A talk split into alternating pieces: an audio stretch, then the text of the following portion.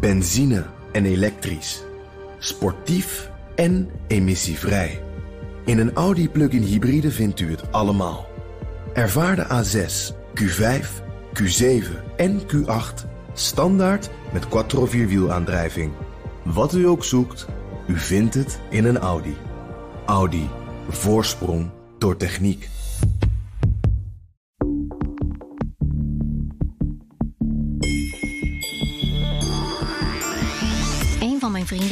Jembi heet hij, werkt voor Ant in Canada. Toen hij daar in 2016 ging werken, vroegen wij ons af wat hij daar ging doen.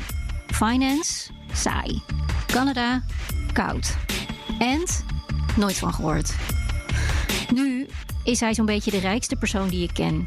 Want hij heeft sinds 2016 aandelen opgebouwd in de Ant Group, het fintechbedrijf van de Chinese techmiljardair Jack Ma. Jack Ma zelf is al maanden niet meer in het openbaar gezien. De laatste keer dat de oprichter van Alibaba van zich liet horen, was toen hij een kritische toespraak hield over de financiële situatie in China. Niet lang daarna werd de beursgang van zijn Ant Group uitgesteld.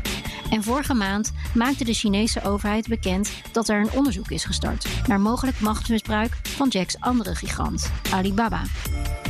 In deze aflevering daarom de vraag: zit de Chinese overheid achter Jack Ma aan? Mijn gasten deze aflevering zijn Frans Paul van der Putten, sinoloog en schrijver van het boek De Wederopstanding van China, en Ed Sander, China-kenner en organisator van studiereizen naar China over digitale technologie. Mijn naam is Liao Wang en deze podcast wordt mede mogelijk gemaakt door het Leiden Asia Center. Nou, Ed, jij maakt online modules hè, over e-commerce in China en onder andere over Alibaba en het moederbedrijf van Alibaba, de Ant Group. Kun je kort vertellen uh, wat er allemaal onder de Ant Group valt? Wat is het eigenlijk? Oh, kort vertellen, dat is een uitdaging. Um, uh, ik zal het proberen. Dat is niet voor op hoor, maak je geen zorgen. ja. um, het belangrijkste waar N-Group mee is gestart is, is Alipay. Dat is een mobiele betaalapp. Uh, die hebben, heeft uh, Alibaba in uh, 2004 ontwikkeld. Dat is in, of, ja, 2004 hebben ze die ontwikkeld. In um, 2011 hebben ze die afgesplitst van Alibaba en is Ant Financial later ontstaan daaruit.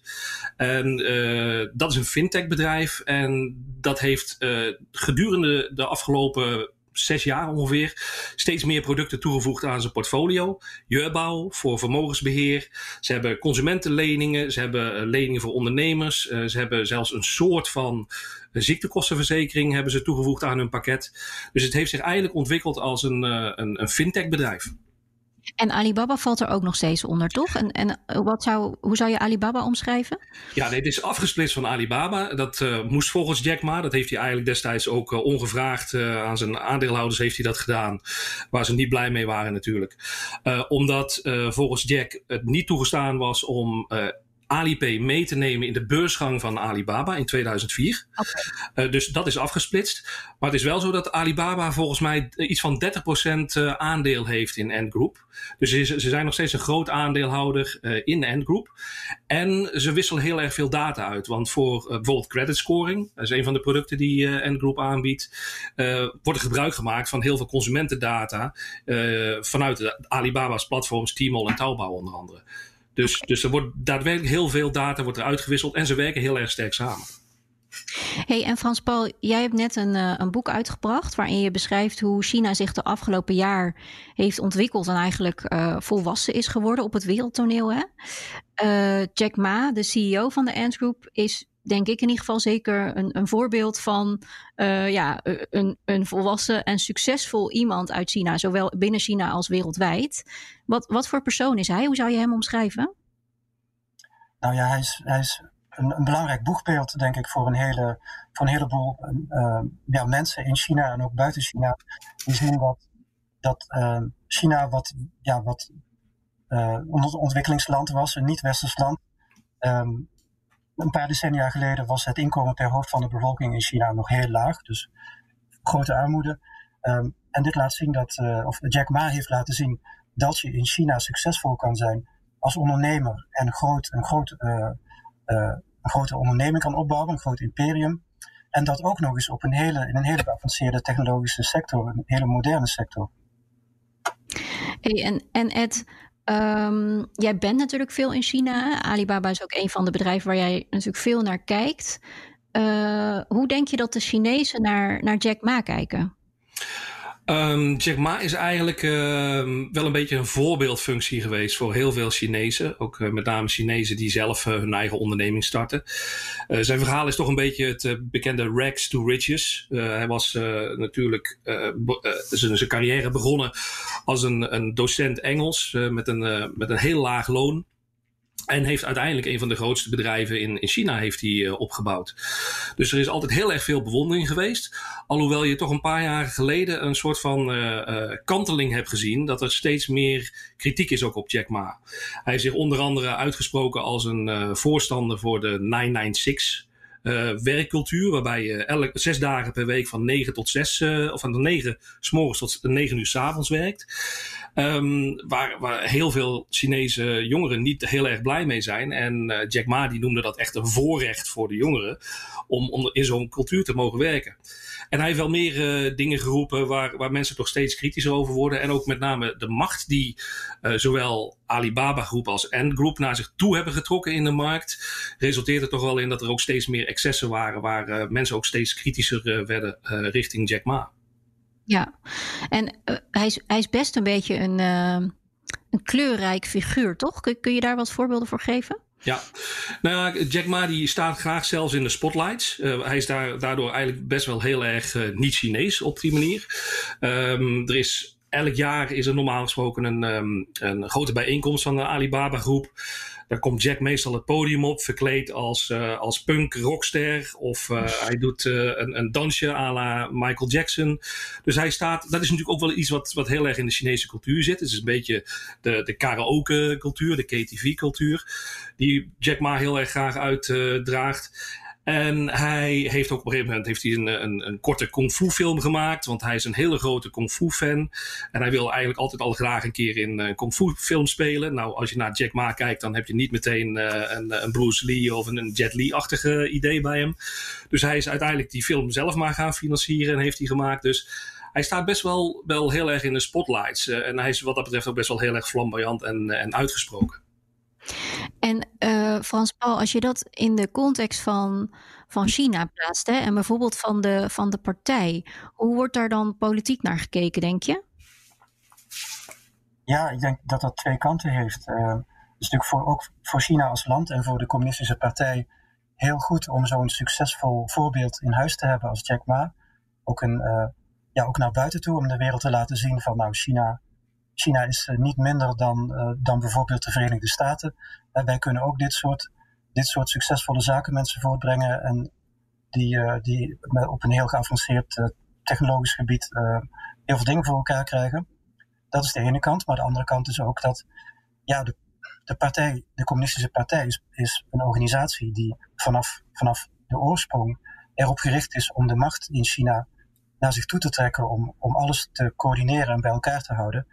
Um, en de partij houdt per definitie niet van um, potentiële alternatieve machtsbronnen binnen China. Dus daar wordt ook wel, denk ik, argwanend uh, naar gekeken naar de, naar, naar, de enorme omvang en de groei van, van de macht van zo'n ondernemer als Jack Ma. Ik las bijvoorbeeld dat uh, op de socials, nou ja, een beetje voor die kentering die, die Ed dan uh, net beschreef, toen hij nog super populair was, dat hij daar bijvoorbeeld ook wel vader Ma werd genoemd. Hoe, dat is natuurlijk ook iets wat, wat Xi Jinping heel erg naar zich toe probeert te trekken. Hoe, hoe denk je dat Xi zelf naar iemand als Jack Ma kijkt? Ja, Xi Jinping heeft uh, te maken met. Er zijn heel veel mensen in China waar hij uh, goed op moet letten of die niet, uh, zeg maar, een, een, concurrerende machtsbasis aan het vormen zijn. Maar als iemand als Jack Ma, die zo'n uitstraling heeft, zo'n publiek figuur is en een voorbeeld voor veel mensen, Um, ja, ik denk dat het voor Xi Jinping uh, een, een, vervelende gedachte is dat, dat Ma op een gegeven moment die, die, die mogelijkheid gaat gebruiken om mensen direct toe te spreken en ze ideeën te geven die misschien niet in lijn zijn met de belangen van de communistische partij. Ja, en als we dan eens naar de, naar de Ant Group gaan. Hè? Ed, jij vertelde net al, het is enorm. Ze hebben hele uh, strakke banden met Alibaba, wat zeg maar het Amazon van, uh, van China is. En tegelijkertijd zijn ze een bank, een verzekeraar, een tussenpartij voor bankenverzekeraar, alles. Um, in, in Nederland of in Europa kennen we dat soort bedrijven helemaal niet. Ed, hoe, hoe komt het dat in China dat eigenlijk wel kan ontstaan? Ja, ik denk dat er, dat er twee zaken zijn in China. Uh, als je kijkt naar de grote, sta de grote banken in China, dat zijn normaal gesproken staatsbanken, dat zijn staatsbedrijven. En over het algemeen hebben die niet heel erg goede dienstverlening naar de consument gehad. Um, dus als je een consumentenlening uh, wilde hebben bij wijze van, dan hoefde je echt niet bij een staatsbank aan te kloppen. Dat was gewoon heel erg moeilijk. Zelfs voor kleine ondernemers was het heel erg moeilijk, omdat die staatsbanken met name bezig waren om de staatsbedrijven, andere staatsbedrijven te uh, financieren.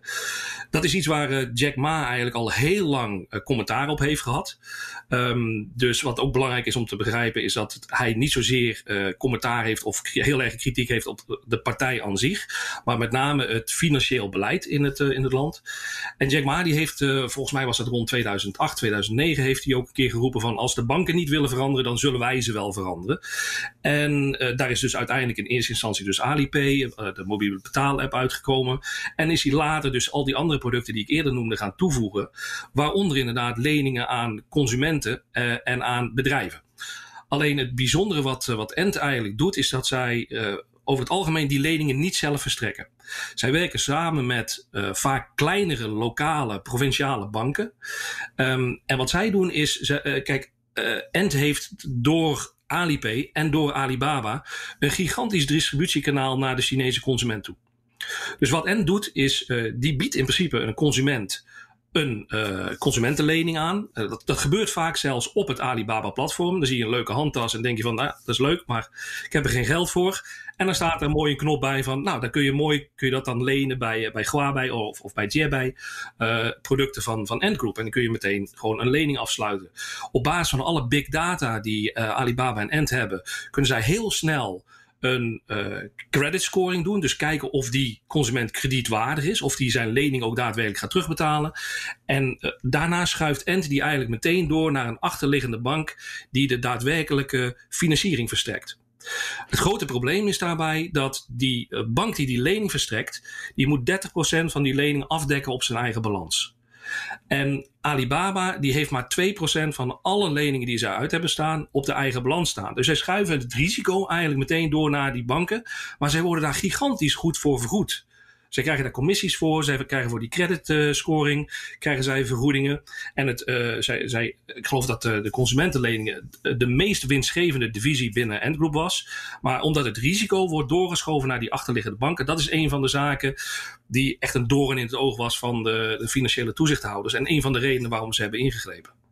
En in, in Nederland of in Europa heb je natuurlijk aan alle kanten regulering. Dus je hebt, uh, ik weet nog dat ING op een gegeven moment uh, de betaaldata uh, wilde gaan verstrekken aan allerlei partijen. Hè? Nou, daar was iedereen natuurlijk helemaal up in arms over. Maar bijvoorbeeld ook regulering rond financiële instellingen, et cetera. Hoor ik dan uit jouw verhaal dat dat eigenlijk in China er helemaal niet is, Ed?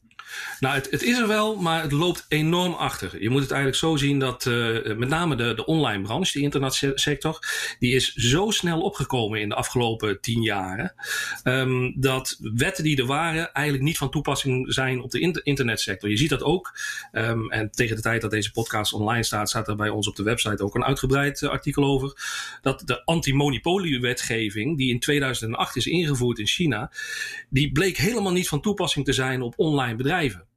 Dus die is eigenlijk in november is die ook voor het eerst opnieuw ingevoerd. En datzelfde geldt eigenlijk voor uh, de regulering van, van fintech-bedrijven en, en internetbedrijven uh, die zich op de financiële markt begaven. Daar was eigenlijk nog geen wetgeving voor. En het is ook, ook eigenlijk een beetje een misverstand om te zeggen dat uh, alle wetgeving die is ingevoerd in uh, november een gevolg is van een speech die Jack Ma heeft gegeven, waarbij hij re redelijk kritisch was richting de financiële toezichthouders. Want die wetgeving die zat er al aan te komen. Die was in september en in juli was die al aangekondigd. En hetzelfde geldt voor die antimonopoliewetgeving. Dus China loopt eigenlijk achter. De, de internetsector is zo snel gegroeid. En ja, de regelgeving die loopt daar een paar jaar op achter. Dus achterstallig, ja. onder, achterstallig onderhoud wat er nu plaatsvindt. Hey, en Frans Paul, uh, als we uitzoomen, China komt natuurlijk uh, van, van een maakindustrie. Uh, inmiddels zijn dit soort techbedrijven gigantisch. Hoe belangrijk zijn deze bedrijven, niet alleen Ant en Alibaba, maar ook misschien de andere reuzen zoals Tencent? Hoe belangrijk zijn deze bedrijven voor China? Ja, ze spelen een hele belangrijke rol. Dus ook um, in verschillende opzichten. Um, het is voor China heel belangrijk om de economische transitie te maken van een van een model wat gebaseerd is inderdaad op maakindustrie en relatief goedkope uh, voor massa, massa-export van relatief goedkope consumentengoederen naar een, uh, naar een economie die, die veel geavanceerder is en veel meer gebaseerd op, uh, um, ook op, op dienstverlening en ook niet alleen maar op de export, maar ook op de eigen Chinese markt. Um, die transitie duurt, ja, dat, dat, dat, dat, dat is een grote transitie die China doormaakt. Um, en deze bedrijven spelen daar wel een hele cruciale rol in. Um, dat is de ene kant, zeg maar de meer economische kant. En de andere kant is ook dat uh, China ernaar streeft om internationaal concurrerend te zijn. Dus het Chinese bedrijfsleven moet, uh, China wil bedrijven voortbrengen die zich kunnen meten met uh, de, de, meest, de grootste en meest moderne bedrijven ook uit andere landen.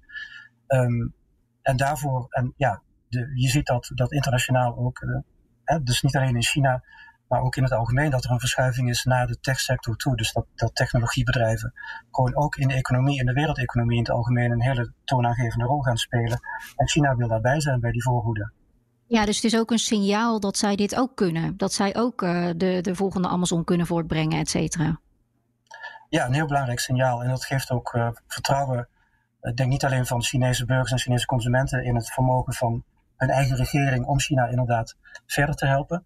Maar ook uh, de buitenwereld, dus ook de, de investeerders en de handelspartners van China, zien dus dat China niet alleen de tweede economie ter wereld is in omvang, maar, en, en, nog steeds een snel groeiende, maar, kijk, maar ook een hele geavanceerde. Dus dat beeld van China van, ja oké, China is wel groot, maar het loopt toch altijd uh, achter op, uh, op landen als Japan en de Verenigde Staten en Europese landen, dat dat niet meer van toepassing is. En um, de, de bedrijven in de maakindustrie en de infrastructuur, et cetera, dat waren natuurlijk veelal staatsbedrijven. Deze nieuwe techbedrijven zijn allemaal private bedrijven.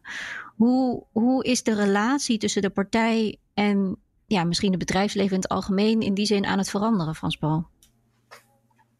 Ja, er een voortdurende zoek, zoektocht in China, eigenlijk sinds eind jaren 70 begonnen is met, met het economisch hervormingsprogramma en het, en het het meer liberaliseren en het meer openstellen van de Chinese economie, is de regering en de communistische partij zijn voortdurend aan het zoeken naar wat een juist evenwichtspunt is tussen uh, controle houden op de economie en uh, de, de, de, krachten, de economische krachten, de marktkrachten uh, loslaten, zo, zodat er meer dynamiek is en meer aansluiting bij de wereldeconomie.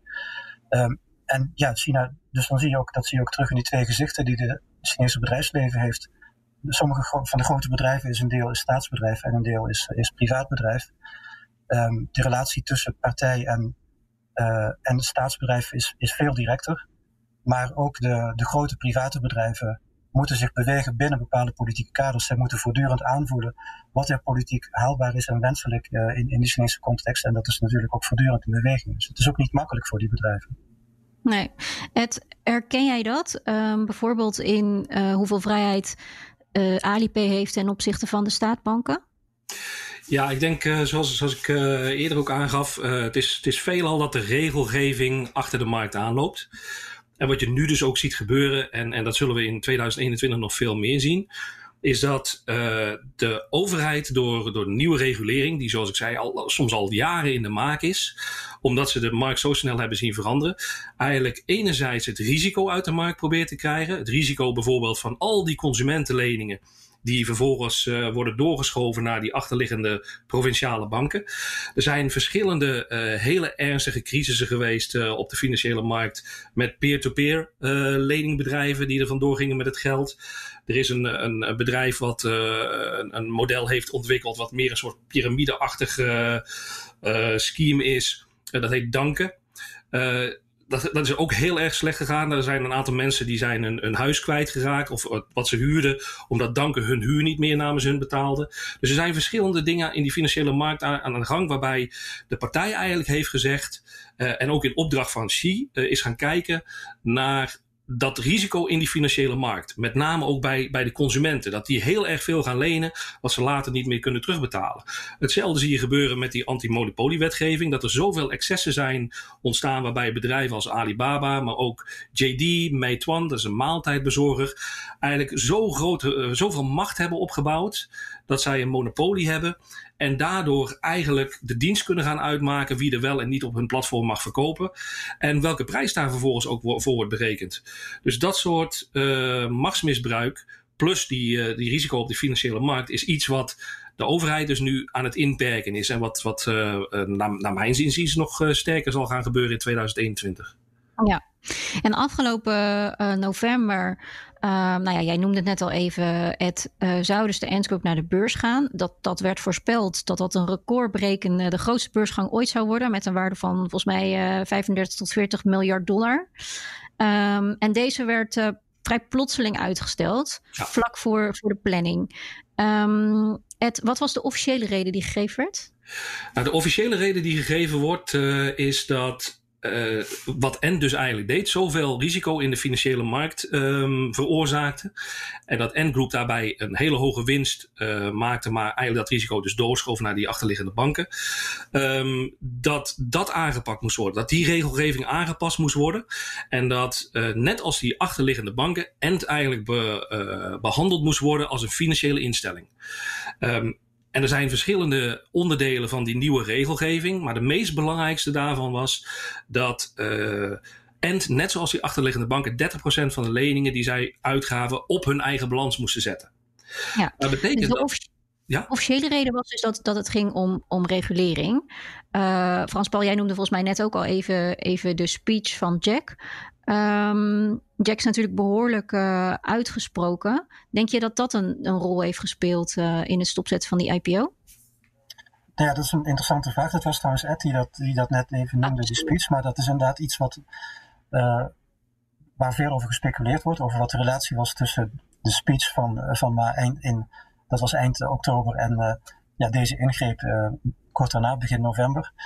Um, en ik denk dat, uh, wat, wat Etta net zei, dat het heel belangrijk is dat we moeten zien dat uh, die ingreep uh, vanuit, vanuit de toezichthouders, dat die er al aan zat te komen. Dus er, waren al, er was al van alles gaande. Um, dus het is niet zo dat het één groot, één, ja, groot omslagmoment was na die speech. maar het blijft, het blijft wel opmerkelijk natuurlijk dat ja, het, toch, het toch wel heel abrupt gegaan die, uh, die ingreep begin, begin november. En het is ook opmerkelijk dat dat maar uh, ja, vlak voor zo'n belangrijk moment, voor zo'n grote beursgang, um, op, op een ja, vrij prominent podium uh, een speech geeft waarin die, waarin die uiteenzet wat precies zijn, wat zijn kritiek is op het huidige financiële systeem. Um, ik, dus ik denk dat het voor ons altijd, ja, dat we er niet omheen kunnen dat dat toch voor een deel speculatie zal blijven. Wat er nou precies gebeurd is ik kan me wel voorstellen dat het een combinatie is van meerdere dingen. Dus er zat al wat aan te komen. Er speelde achter de schermen waarschijnlijk al veel meer. Ik kan me ook voorstellen dat dit ook voor de, voor de Chinese overheid een, uh, een moment was waarop ze een, een al langer geplande grote verandering in de, zeg maar in de toezicht houden op de financiële sector en op de techsector uh, specifiek um, in werking konden zetten. En hiermee heb je wel in één keer natuurlijk meteen de toon gezet en de aandacht van iedereen van kijk, als ze zelfs op uh, zo'n zo'n ingreep kunnen doen, uh, uh, dan weten de andere techbedrijven nu ook van oké, okay, er is echt wat aan het veranderen en we, we moeten ons ook gaan aanpassen. Ja, dus het was al langere tijd in de maak, maar de timing was misschien wel een stukje machtsvertoon, is wat ik je eigenlijk hoor zeggen. Ja, goed, dat, dat, dat gevoel heb ik erbij, ja. Ja. Mag ik daar wat aan toevoegen? Want dat vind ik een hele goede waarneming van uh, Frans Paul. Um, want uh, veel media die denken inderdaad, en veel mensen die speculeren. Jack heeft een speech gegeven en hij wordt daardoor afgestraft. De communistische partij die pakt hem zijn beursgang met end af. Maar Jack die was al lang op de hoogte van dat er nieuwe regelgeving aan zat te komen. Want die was in juli en september was hij al aangekondigd. Dus ik denk veel eerder dat zijn speech een, soort van laatste stuiptrekking is geweest om de toezichthouders misschien op andere gedachten te brengen, dan dat hij juist heel erg kritisch was uh, en, en dat heeft hem zijn beursgang gekost. Uh, wat, wat die timing betreft, uh, door dat twee dagen voor die beursgang te doen, dat kan inderdaad heel goed te maken hebben, wat Frans Paul zegt, met het, het afgeven van een signaal. Want een week later is exact hetzelfde gebeurd met de antimonopoliewetgeving. Die is één dag voor Singles Day is die aangekondigd. En Singles Day is natuurlijk het grootste online shoppingfestival.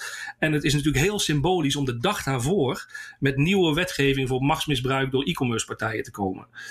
Dus, dus daar zal zeker ook zal er een, een boodschap in zitten. Ik denk niet zo dat het is dat uh, de speech. Dat, dat, nou, laat ik het zo zeggen. Ik denk dat de speech misschien het hypothetisch versneld heeft.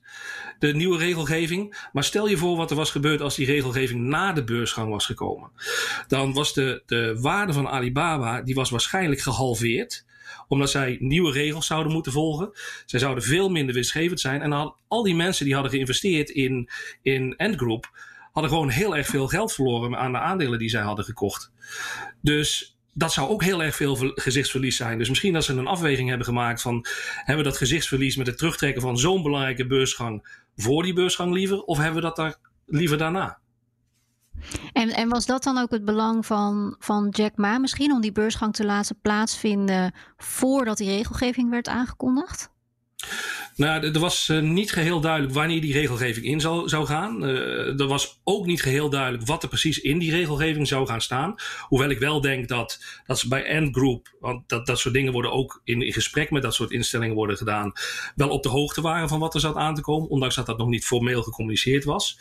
Um, dus ik denk dat, dat, ja, dat, dat Jack Ma echt wel aanvoelde komen dat, uh, dat zijn beursgang in de problemen zou kunnen komen. En uh, Frans Paul, hoe schadelijk denk je dat het, uh, want Ed noemde net natuurlijk ook al gezichtsverlies, en heb je dat dan liever voor of na de beursgang? Hoe schadelijk was dit stoppen van die beursgang uiteindelijk, denk je, voor, voor de reputatie van China? Ja, nou als we even kijken naar de reputatie van China internationaal, dus hoe dat naar, buiten toe werkt, denk ik dat, dat het inderdaad waarschijnlijk is dat, uh, dat het beeld dat nu ontstaan is, een sterke versimpeling is van wat, van wat er echt gebeurde en wat er echt aan de hand is. Um, maar dat heeft ook ten dele te maken met de internationale context waarin China nu bestaat. Want de, de berichtgeving over China in de westerse media is vaak uh, behoorlijk negatief. Um, en dit wordt dan weer als een bewijs gezien van, nou, de, het, het ondernemersklimaat in China is uh, A, onvoorspelbaar. Uh, en B, um, gaat het allemaal, draait het allemaal om, om macht, machtspelletjes. Dus, wordt het, dus in die zin heeft het niet, uh, heeft het niet veel is, uh, goeds gedaan voor China's reputatie. Maar aan, de andere kant van het verhaal, en misschien dat, dat, ja, dat, die, dat, die, dat beeld ook langzaam wat meer uh, ruimte gaat krijgen, dat is dat China, net zoals wij in onze westerse economieën, op zoek zijn naar manieren om die snel, groeiende, snel gegroeide techsector ja, om daar een, balans in te vinden, om die verder te laten ontwikkelen, maar tegelijkertijd ook daar passende regels voor te vinden. En er zit heel veel nieuw terrein in, dus dat is ook moeilijk. En China is ook uh, net zo goed als de Verenigde Staten of als de Europese Unie, uh, is, is daar in, in ontwikkeling. En ik denk dat um, ook in het Westen veel mensen vinden dat de grote techbedrijven niet te veel macht moeten krijgen ten opzichte van de consument. Um, en dat je ja, dit ook kan zien als, een, als weer een stap richting verdere volwassenwording van, uh, van China. Van ja. Het economische ja. systeem van China. Ja, want bijvoorbeeld uh, uh, wat jij net noemde, het vlak voor Singles Day, dus dat was een maand of zo, of kort in ieder geval na, na de afgelaste beursgangen. Um, Eén week, precies. Ja. Eén week. Uh, toen kondigden ze natuurlijk dat onderzoek uh, aan naar machtmisbruik. En dat is natuurlijk typisch iets wat in, in, in de westerse, op, rond de westerse platformen ook heel erg speelt. Want kun je kort beschrijven over wat voor machtsmisbruik dat zou, dan zou gaan, uh, Ed? Ja, ja.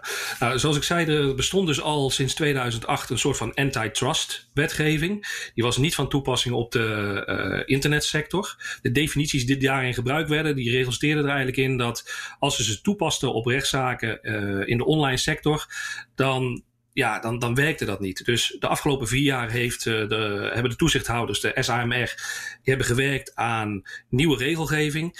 Die is aangekondigd, zeg maar, de draft, wat er normaal gesproken gebeurt in China, is die regelgeving wordt aangekondigd. Dan heb je een maand de tijd om daar feedback op te geven. Meestal wordt die, die, die wet alsnog gewoon aangenomen. Maar er is een bepaalde window. En die aankondiging die was op 10 november, één dag voor Singles Day. Er werden ook 27 internetbedrijven werden ontboden bij de SMR. Um, om te luisteren wat de nieuwe regels waren. En de belangrijkste nieuwe regels waren dat ze geen gebruik mochten maken van uh, één van de twee kiezen. Zoals dat wordt genoemd. En dat betekent dat je als internetplatform eigenlijk aan de handelaren die bij jou op je platform willen uh, verkopen, zegt van je mag alleen maar bij mij verkopen als ik jou ook zie op de website van onze concurrent JD.com bijvoorbeeld. Dan uh, word jij daar eigenlijk voor gestraft bij ons op het Alibaba-platform. En dat gebeurde dus ook, want dan duwde Alibaba jouw zoekresultaten in hun website gewoon helemaal weg. En dan zag je gewoon je, je, je verkopen zag je kelderen. Er zijn verschillende cases, ook rechtszaken, um, waarin, dat dus eigenlijk is aangetoond. Uh, het tweede was dat er geen prijsdiscriminatie mag optreden. Dus jij mag niet op basis van klantendata klant A een andere prijs re rekenen dan klant B, omdat je toevallig weet dat klant A welvarender is of een trouwere klant is.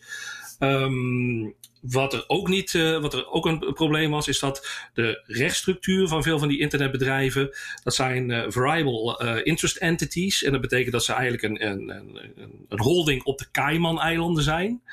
Um, dat is voor belastingtechnische reden. Maar dat betekende ook dat vaak de wetgeving in China niet van toepassing was op dat soort bedrijven. En in die nieuwe regelgeving hebben ze ook gezegd van die internetbedrijven die kunnen die organisatiestructuur niet meer gebruiken om regelgeving te ontlopen alle regels zijn ook van toepassing op die uh, variable interest entities, die VIA's. Eh, ja. ja, en dat zijn natuurlijk dingen die heel erg lijken op de discussies die we in Amerika bijvoorbeeld zien rond het machtmisbruik van Amazon. Of in Nederland inderdaad rond de vestiging van, van bepaalde grote bedrijven. Um, Frans Paul, wat, wat verwacht jij van zo'n onderzoek? Lijkt dat op, op de onderzoeken of de discussies die we, die we hier ook kennen, denk je? Ja, ik denk in, in de, tot op zekere hoogte absoluut. Um, het past eigenlijk in een, in een lange traditie die, uh, die teruggaat naar, de, naar het eind van de 19e eeuw. Het ontstaan van grote industriële bedrijven in, in westerse landen. Um, een eeuw geleden zijn in de Verenigde Staten uh, de, de grote bedrijven van die tijd, dus de grote, grote oliemaatschappijen, grote tabakproducenten, die zijn opgebroken. Omdat het ook een niet alleen maar um, het is niet alleen maar een kwestie van concurrentie tussen staat en onderneming over wie de macht heeft, maar ook dat, dat er maatschappelijk grote uh, ja, onvrede gaat ontstaan over die enorme machtsconcentratie. Um, en daar wordt dan ingegrepen. En dat is een golfbeweging eigenlijk die je, die je, die je steeds ziet. Um, en op dit moment is het bij ons ook weer gaande. Uh, en nu inderdaad vooral met die techbedrijven. En ik denk dat China als land ja, eigenlijk helemaal niet zo anders is dan, dan de westerse landen wat dat betreft. En jij gaf net al aan van in de, in de Nederlandse media wordt, of in de westerse media wordt best een simplistisch beeld geschept. Hè? Namelijk dat dit soort dingen niet zozeer gaan over economie of regulering, maar meer over politiek en relaties. Uh, hoe denk jij dat dat zal gaan met dit onderzoek? Hoe, hoe eerlijk verwacht je dat het gaat zijn, zeg maar? Hoe eerlijk voor in, in China, zeg maar? De, ja, in China, in de zin van uh, welke rol speelt dan bijvoorbeeld nog um, dat Jack Ma te populair zou kunnen worden of, of dat soort dingen. Ja, op dit moment ook weer eens heel veel speculatie over inderdaad hoe, hoe, hoe, hoe zal het met Jack Ma persoonlijk aflopen, maar hoe gaat het verder met, uh, met zijn bedrijven.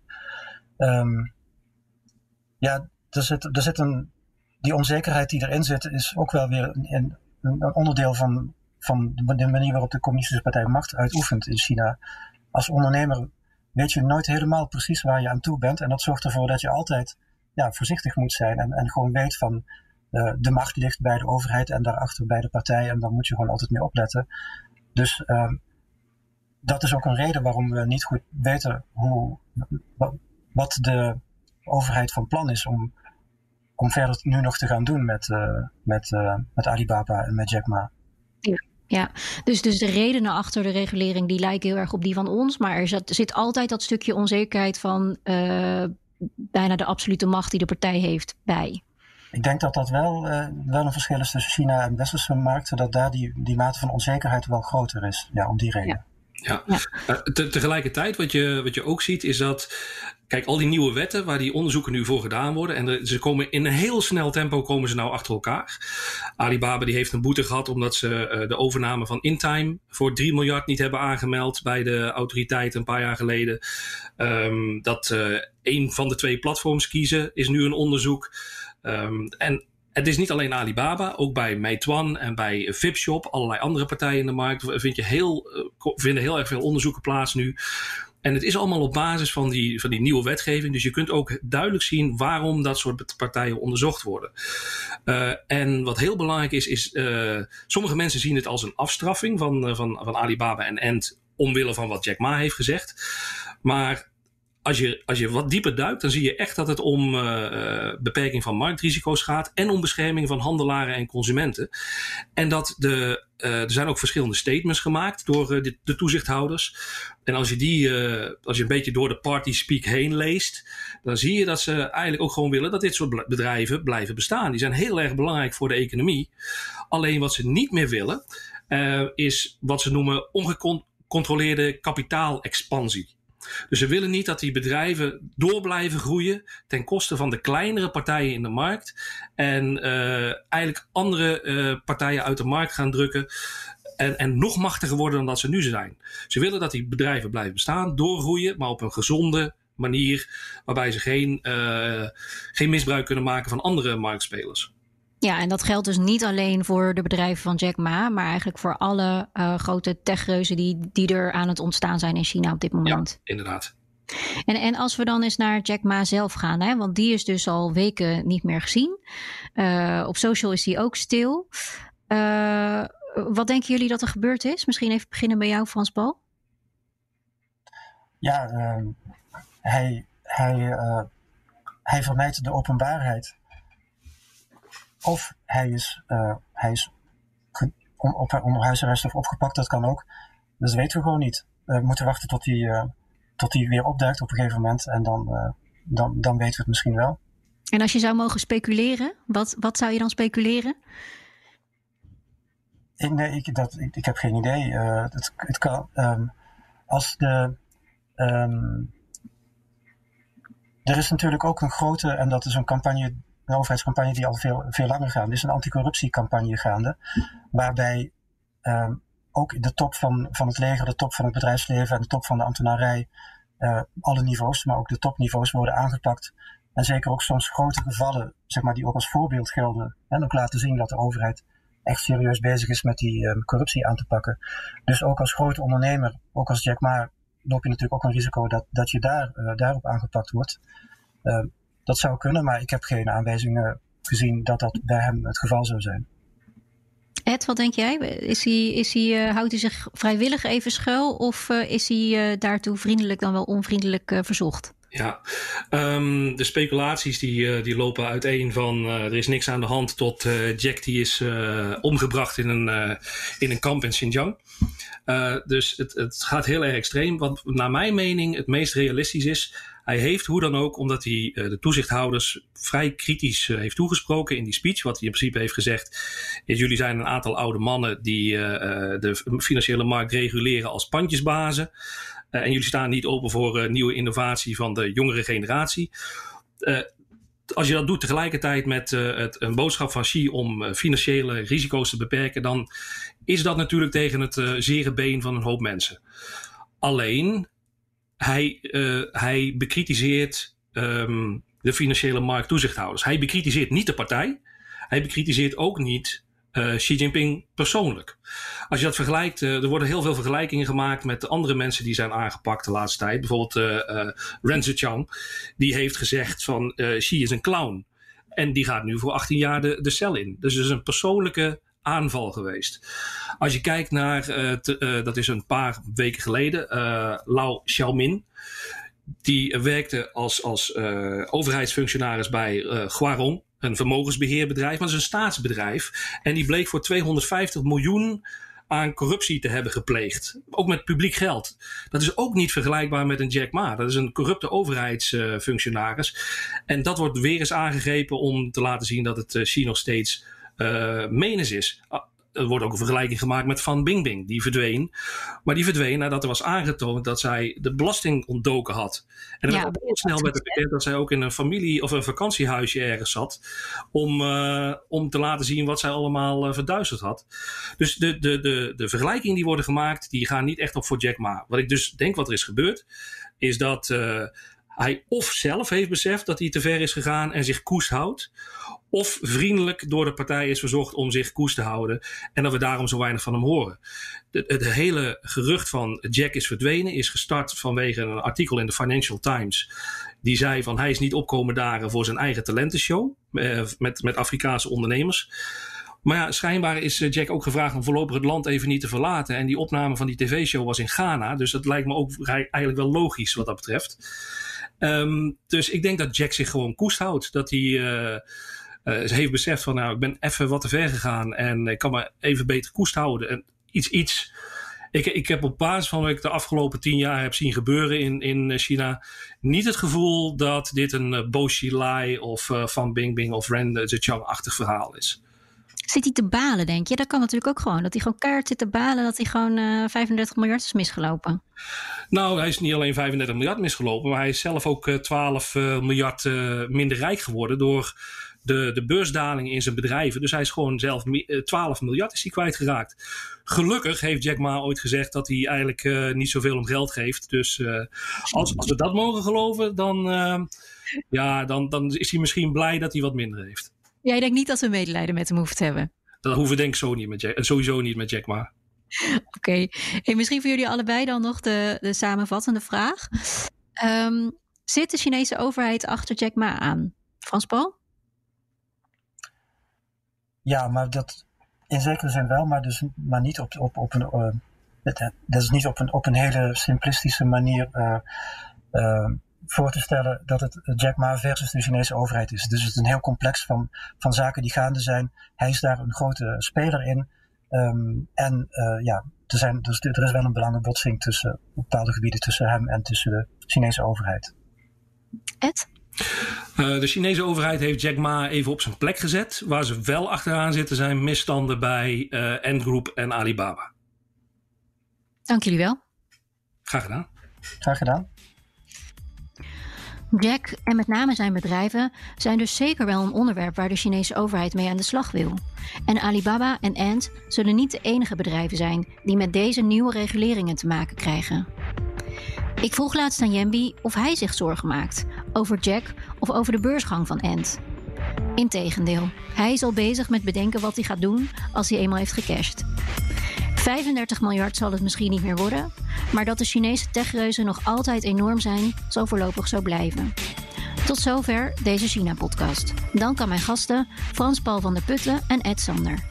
Deze podcast wordt mede mogelijk gemaakt door het Leiden Asia Center en is terug te luisteren via bnr.nl/slash China-podcast, de BNR-app of je favoriete podcastplatform. Reageren? Dat kan via podcast.bnr.nl. Benzine en elektrisch. Sportief en emissievrij. In een Audi plug-in hybride vindt u het allemaal. Ervaar de A6, Q5, Q7 en Q8 standaard met quattro vierwielaandrijving. Wat u ook zoekt, u vindt het in een Audi. Audi. Voorsprong door techniek.